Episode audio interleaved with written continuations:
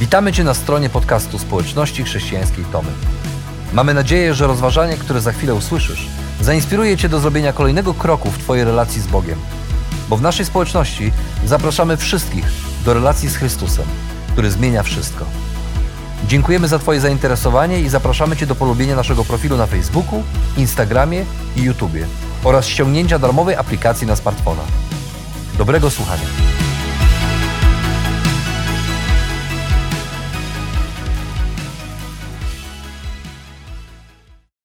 Jakub spóźnił się na lotnisko. Obsługa lotniska nie pozwoliła mu wejść na pokład samolotu. Odprawa pasażerów zakończona. Bramki były zamknięte. Na nic jego prośby i usprawiedliwianie się. Takie procedury.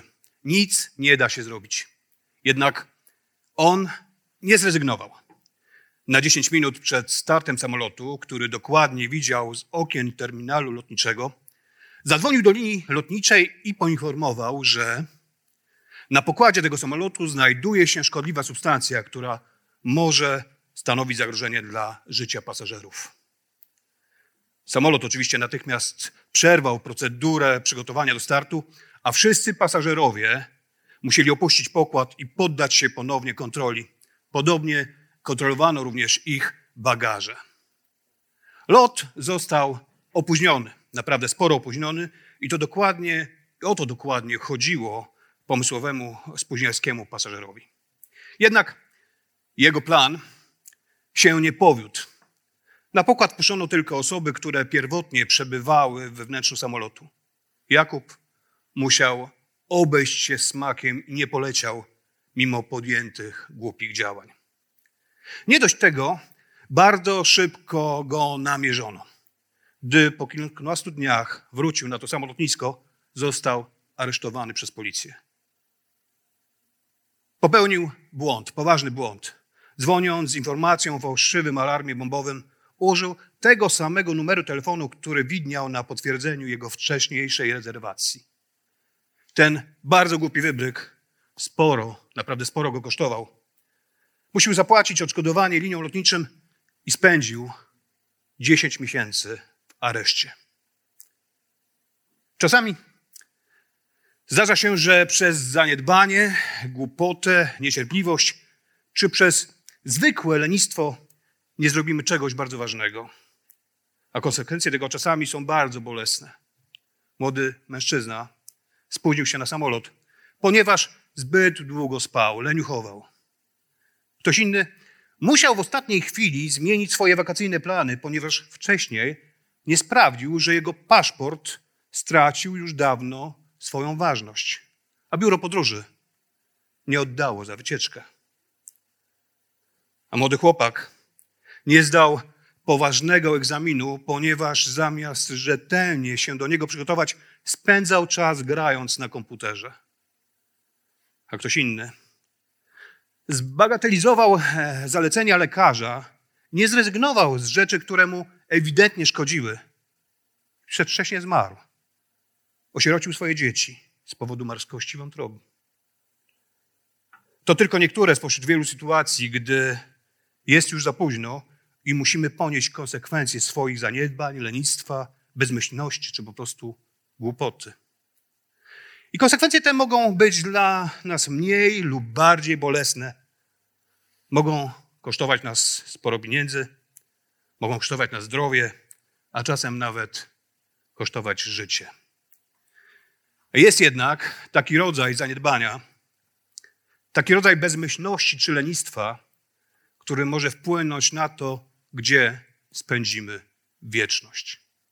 I o tym mówi cały 25 rozdział Ewangelii Mateusza.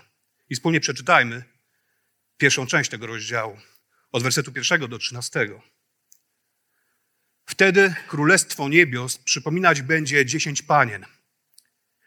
Wzięły one swoje lampy i wyszły na spotkanie pana młodego. Pięć z nich było bezmyślnych, a pięć przezornych. Bezmyślne wzięły wprawdzie lampy, lecz nie zabrały oliwy. Przezorne, oprócz swych lamp, wzięły zapas oliwy. Pan młody zwlekał z przyjściem. Takie były obyczaje. Panny w końcu uległy zmęczeniu i wszystkie zapadły w sen. W środku nocy obudził je krzyk. Pan młody idzie, wyjdźcie na spotkanie. Panny się ocknęły i wzięły do ręki lampy. Bezmyślne poprosiły przezorne, ulejcie nam trochę z waszej oliwy, bo nam lampy gasną. Przezorne na to, nie, bo wtedy nie wystarczy ani nam, ani wam. Idźcie raczej do sprzedawców, u nich sobie kupcie. Gdy więc udały się na zakupy, zjawił się pan młody. Panny, które były gotowe, weszły z nim na wesele i drzwi zostały zamknięte. Potem zaś nadeszły pozostałe panny. Panie, panie, wołały, otwórz nam, prosimy. Lecz on im odpowiedział: Zapewniam, że was nie znam. Czuwajcie więc, bo nie znacie dnia ani godziny. Chrystus, Chrystus tej przypowieści nawiązuje do ówczesnych zwyczajów weselnych. W tamtych czasach zawarcie związku małżeńskiego składało się z dwóch części: z zaręczyn i po jakimś czasie, przeważnie trwał to rok, nastąpiły właściwe zaślubiny, które polegały na uroczystym przeprowadzeniu panny młodej do domu pana młodego. W przeprowadzeniu tym uczestniczył cały weselny orszak. A wspomniane panny to druhny panny młodej. Idą wszyscy, by przywitać pana młodego, a lampami oświetlają drogę. Jednak nie okoliczności lub trudne dla nas, dla zrozumienia zwyczaje weselne są w tej historii najważniejsze. Chodzi zupełnie o coś innego. Ten wyjątkowy, szczególny dzień, jakim było wesele, miał połączyć nie tylko oblubienicę z pannem młodym, ale miał łączyć wszystkich. Wszystkich gości weselnych. Miała być weselna radość, wspólnie spędzony czas, miał być wspólny posiłek, wspólne jedzenie, i wspólne świętowanie. Jednak zamiast tego dzień ten, zamiast połączyć, doprowadził do podziału. Jedni cieszyli się z faktu bycia razem, inni czuli się zawiedzeni, bo nie dane im było wejść na wesele. Jednak powiedzmy sobie szczerze, to co się stało, to stało się na ich własne życzenie. Wiemy doskonale, że przypowieść ta mówi o powtórnym przyjściu Pana Jezusa. A jakie lekcje możemy wyciągnąć z tej przypowieści dzisiaj dla siebie? Po pierwsze, powtórne przyjście Pana Jezusa bez względu na to, kiedy będzie miało miejsce, będzie dla wszystkich wielkim zaskoczeniem. I świadczą o tym słowa. W środku nocy obudził je krzyk: Pan młody idzie, wyjdźcie na spotkanie. A w innym tłumaczeniu czytamy: o północy powstał krzyk. Oto oblubieniec, wyjdźcie na spotkanie. O północy, w środku nocy. O północy napisał Mateusz, kiedy nikt się nie będzie tego spodziewał. Północ tej przypowieści to nie tyle sprawa późnej godziny, lecz najmniej spodziewanej pory. Po drugie, gdy Chrystus przyjdzie, zostanie ludzi, którzy w Niego wierzą i mają z Nim bliską, osobistą, i jedyną, niepowtarzalną relację, więź. I zostanie również tych, którzy mają o nim sporo informacji, tak naprawdę mają o nim sporo wiedzy, którzy sporo o nim wiedzą, naprawdę dość dużo, jednak ta wiedza nie wpływa na zmianę, na jakiś, jakąś jakość ich, ich życia. Gdy Chrystus powróci, zastanie tych, którzy czekają i są gotowi na Jego przyjście i tych, którzy jego powtórnym przyjściem nie zawracają sobie głowy, bo o tym po prostu nie myślą. Tych dziesięć panien, e, które zabrały swoje lampy i wyszły na spotkanie Pana Młodego, to tak naprawdę obraz całego Kościoła. Wszystkie wyszły na spotkanie. Wszystkie dziesięć. I wszystkie czekały na oblubieńca z tą różnicą, że te przezorne oprócz swych lamp wzięły zapas oliwy a bezmyślne, czy jak czytamy w innym tłumaczeniu, głupie, tego nie zrobiły. Wszystkie również zasnęły. Te przezorne i te nieroztropne. Wszystkie zasnęły. Tak się może zdarzyć i tak się może zdarzyć nawet dzisiaj e, w naszej relacji z Bogiem. Czasami może tak być, że ta relacja osłabnie, że zaśniemy, ale wierzę, kiedy jest budowana na solidnym fundamencie, to Duch Święty, którym jesteśmy zapieczętowani, przypomni nam o tym, do czego jesteśmy powołani i z kim mamy budować największą, najbliższą osobistą relację. A w czym przejawiała się ta bezmyślność tych głupich panien? Przejawiała się brakiem odpowiedniego przygotowania i zlekceważeniem sytuacji, w jakiej się znalazły. Nie przewidziały, że ten czas oczekiwania na Pana Młodego może się znacznie wydłużyć. I tak naprawdę, po prostu, nie były gotowe na Jego przyjście.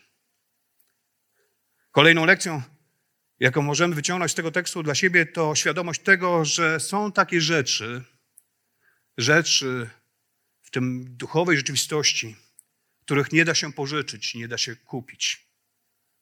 Każdy z nas musi budować i dbać o swoją osobistą relację z Panem Jezusem. Każdy z nas sam musi ją budować i sam musi o nią dbać. Bo ja sam muszę wierzyć, ja sam muszę dbać o tą relację i nikt z tych rzeczy nie mogę pożyczyć od moich przyjaciół, od moich bliskich, od mojego sąsiada. Ja muszę wierzyć, ja muszę dbać o tą relację, bo to musi być moje. Ja to muszę mieć. Oczywiście mogę opowiedzieć komuś o tym, jak budować relację z Chrystusem, jak o nią dbać, jak ją pielęgnować, ale nie mogę tej swojej relacji pożyczyć komuś innemu. W końcu myśl o powtórnym przyjściu Jezusa powinna nam uświadomić, że nie opłaca się odkładać pewnych rzeczy na później. Nie opłaca się odkładać pewnych spraw na ostatnią chwilę. Jak to czasem każdy z nas ma zwyczaju. Tych pięć bezmyślnych panien bardzo beztrosko podeszły do zagadnienia oczekiwania. I może pomyślały sobie, bierzemy co jest, lampy, trochę oliwy, najwyżej później zatroszczymy się o oliwę. Później o tym pomyślimy. Albo od kogoś pożyczymy. Wiecie co? I tak naprawdę najbardziej niebezpiecznym słowem jest słowo później. A jeśli jesteś rodzicem, to dobrze wiesz, jak bardzo irytująca jest odpowiedź dzieci na Twoją prośbę posprzątania przez nich pokoju. A one mówią później, albo zaraz, albo nie teraz, zrobię to później. I tak naprawdę nie chcę generalizować, ale praktyka pokazuje, że to później, czy nie teraz, często przerada się w nigdy. Bo jak ktoś powiedział, inspiracja nie wprowadzona w życie szybko kończy datę ważności. Pojednania z Bogiem, oddania się w Jego ręce nie można odkładać na później. Budowania relacji z Jezusem Chrystusem, tej relacji, do której jesteśmy powołani, nie można odkładać na później. Z prostej przyczyny, bo nie wiemy, czy później będzie miało jeszcze miejsce. Po pewnym czasie te bezmyślne panny, o których czytamy w przypowieści, wróciły z zapasem oliwy, ale było już za późno. Zobaczyły zamknięte drzwi, pocałowały przysłowiową klamkę i pomimo nawoływań, pomimo próśb o wpuszczenie do środka, nie zostały wpuszczone, pozostały na zewnątrz. Możecie sobie wyobrazić ich smutek, ich rozgoryczenie, żal czy złość? Do kogo mogły mieć pretensje? Kto zawinił? A prawda jest taka, że pretensje mogą mieć tylko i wyłącznie do samych siebie. Jestem przekonany, że każdy z nas chciałby być zaliczony do grana przezornych i mądrych. I każdy z nas na końcu chce znaleźć się we właściwym miejscu. A jeżeli chcesz być na końcu we właściwym miejscu, to musisz być gotowy. Jeżeli chcesz być na końcu we właściwym miejscu, to po prostu musisz być gotowy. Ale jak mogę być gotowy? Co muszę zrobić, żeby znaleźć się w tym właściwym miejscu?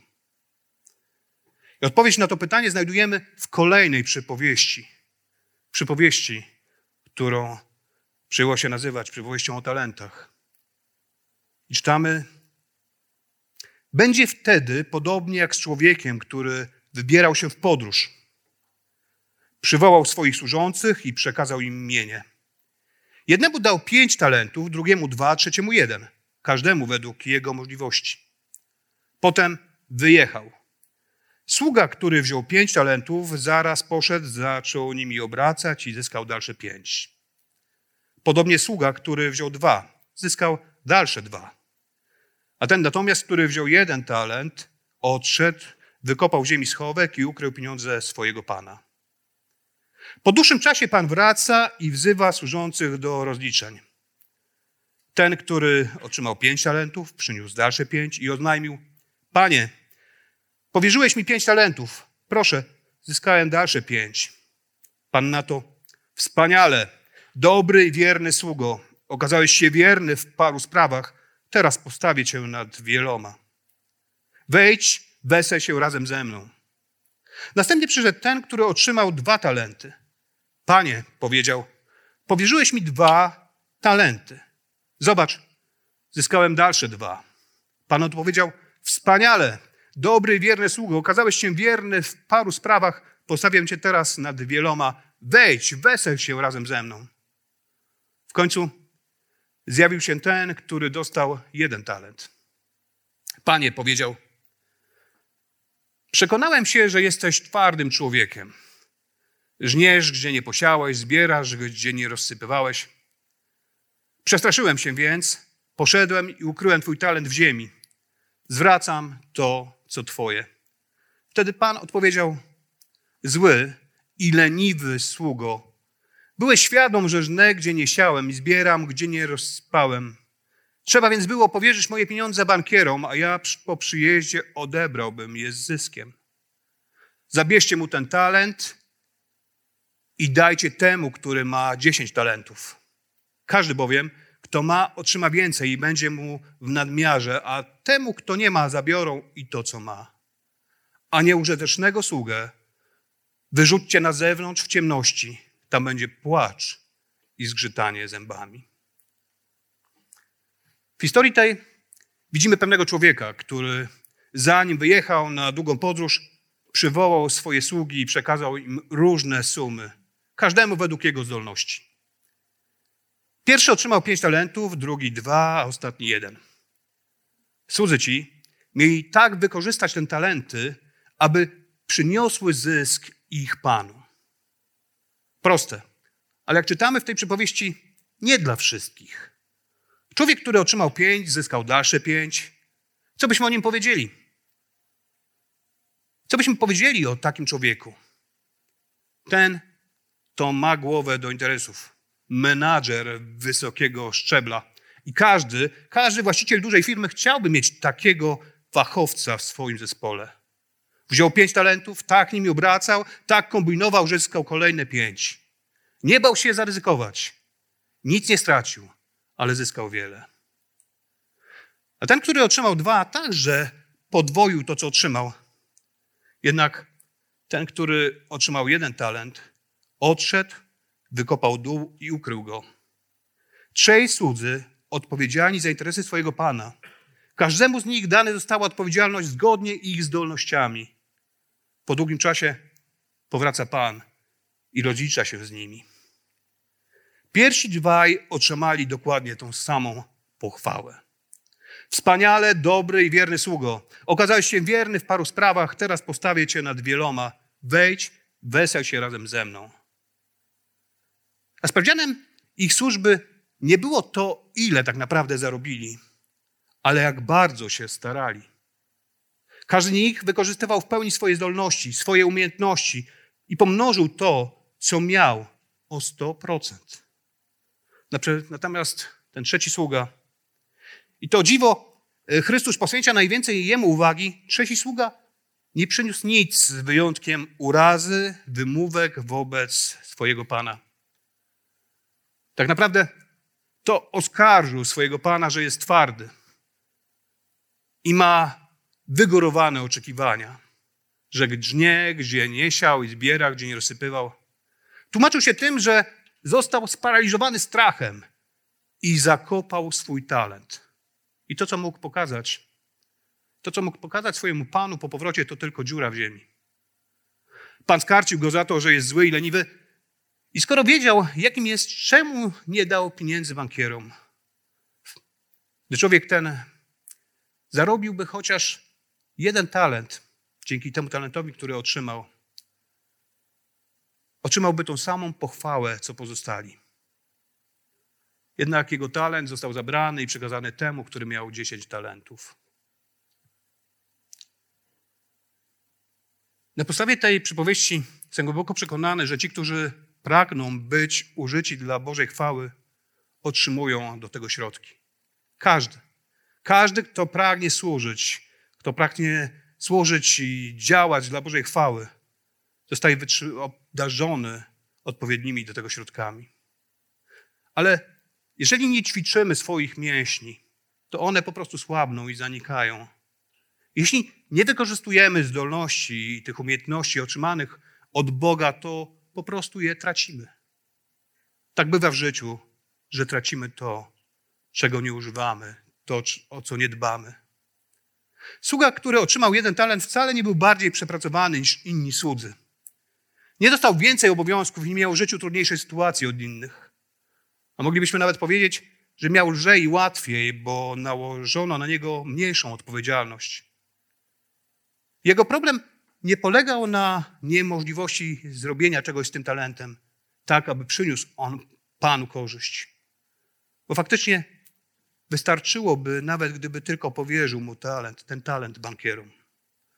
Problem i błąd tego sługi polegał na lenistwie i złym stosunku do swojego Pana i do tego zadania, do zadania, które otrzymał. Zły i leniwy sługo usłyszał z ust swojego Pana. Czasami, czasami my szukamy jakiegoś powodu, jakiegoś argumentu na wytłumaczenie swojej bierności, na wytłumaczenie swojego lenistwa, na wytłumaczenie swojego braku zaangażowania. I tak próbował ów sługa czasami wymawiać się. I tak wymawiamy czasami się my. Mówiąc, ja się do tego nie nadaję, jestem za krótko wierzący, nie mam biblijnego wykształcenia, albo nie mam czasu, albo z moim charakterem więcej bym zaszkodził niż pomógł. A jestem pewien, że inni zrobią to lepiej. A bardziej tak naprawdę podoba mi się talent Asi.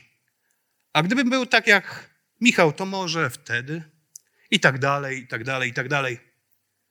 A jeśli nie jesteśmy zaangażowani w żadną służbę, to co jest naszą wymówką? A Bóg w końcu powierzył nam zadania do wykonania. Nie uznaje On żadnych wymówek. Oczekuje od nas rezultatów. Widzimy to dobrze, czytając przypowieść o talentach. Każdy z nas poświęca czemuś swoje życie. I co to jest w Twoim wypadku? Kariera, sport, może jakieś hobby, rozgłos lub bogactwo. Jednak pamiętaj, że droga do prawdziwego znaczenia i do prawdziwego szczęścia, drogą do prawdziwego znaczenia jest służba.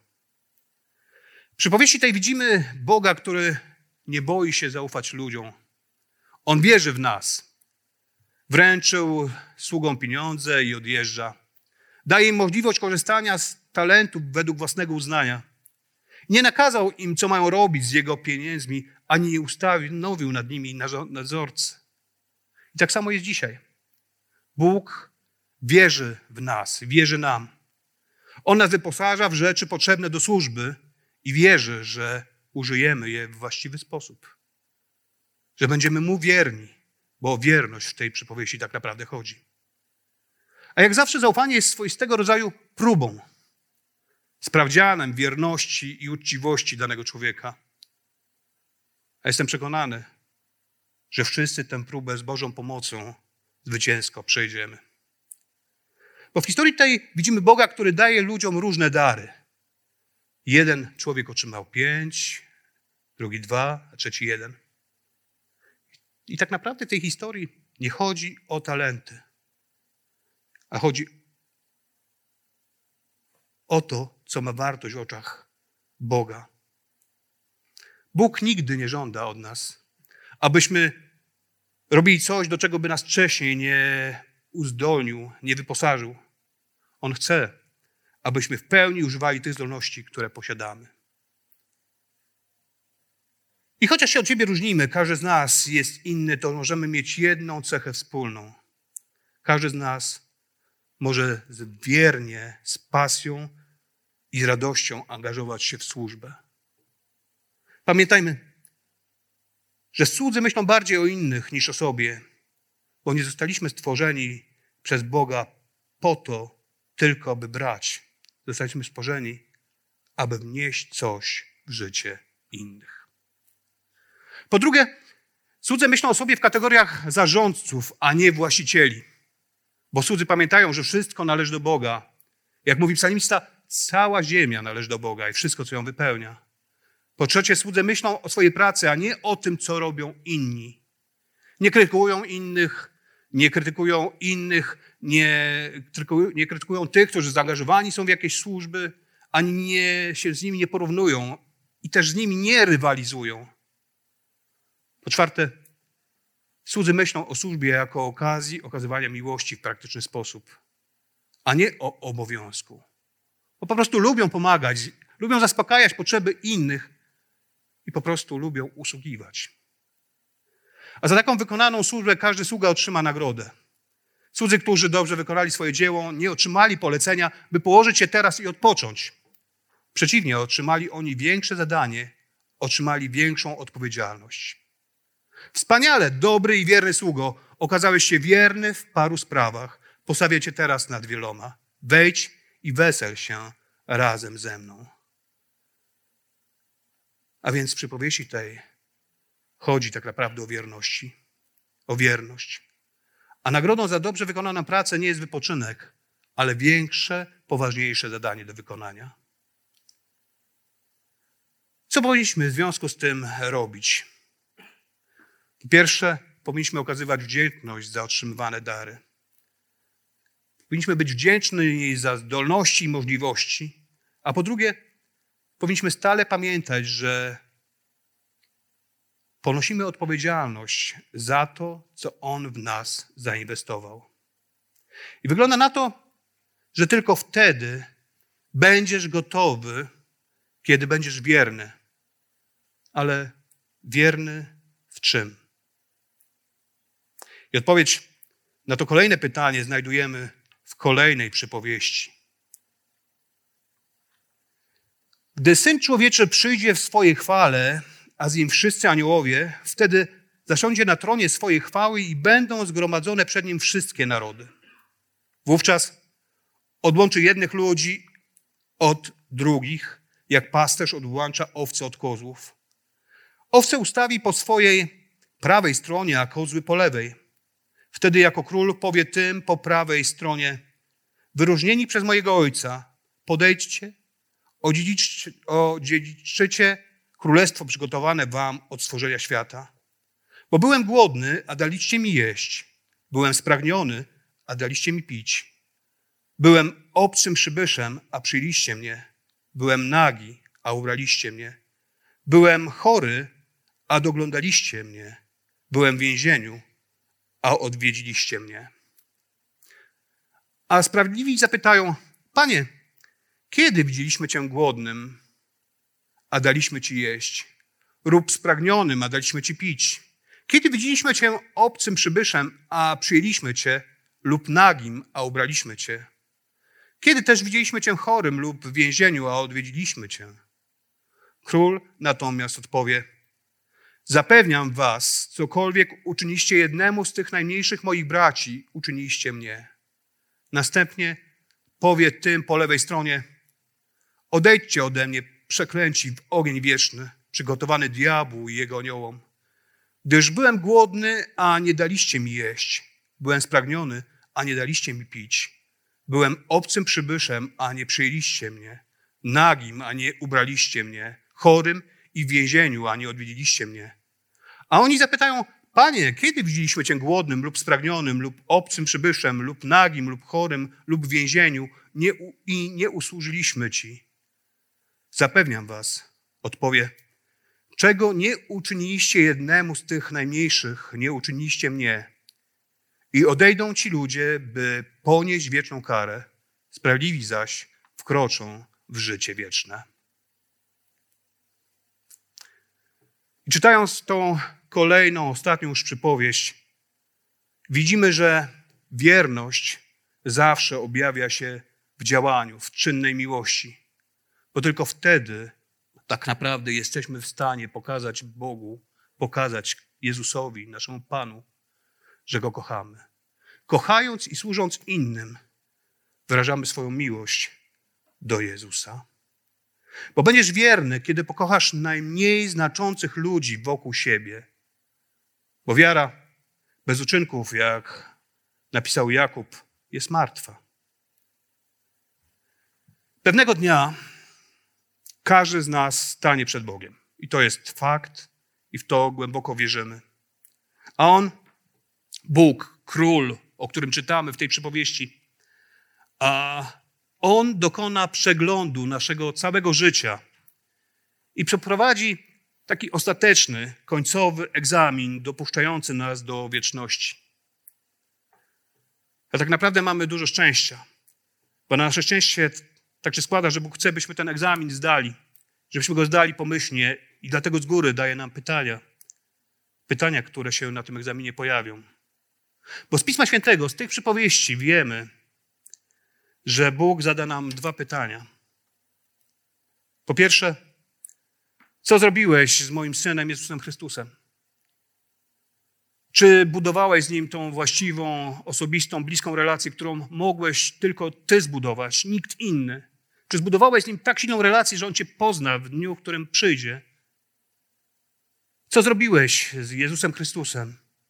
Bo Bóg tak naprawdę nie będzie pytał o religijną przynależność ani o doktryny, które wyznajemy.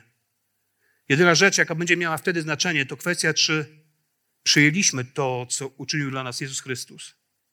I czy nauczyliśmy się Go kochać, Jemu służyć i Jemu ufać? Czy zbudowaliśmy z Nim tą wyjątkową, osobistą relację? Relację, której nie można od nikogo innego pożyczyć. A drugie pytanie brzmi: co uczyniłeś, czy co zrobiłeś z tym, co ci powierzyłem, co ci dałem? Co zrobiłeś z całym swoim życiem, z wszystkimi darami, talentami, możliwościami, energią, z tymi relacjami z ludźmi oraz innymi zasobami otrzymanymi od Boga? Czy zużyłeś je wyłącznie na siebie? Czy wykorzystałeś na cele, do których Cię stworzyłem, do których Cię powołałem? Bo jeśli na końcu chcesz znaleźć się we właściwym miejscu, to buduj osobistą relację z Chrystusem i wiernie służ innym, a wtedy będziesz gotowy na spotkanie z Nim, gdy przyjdzie po raz drugi.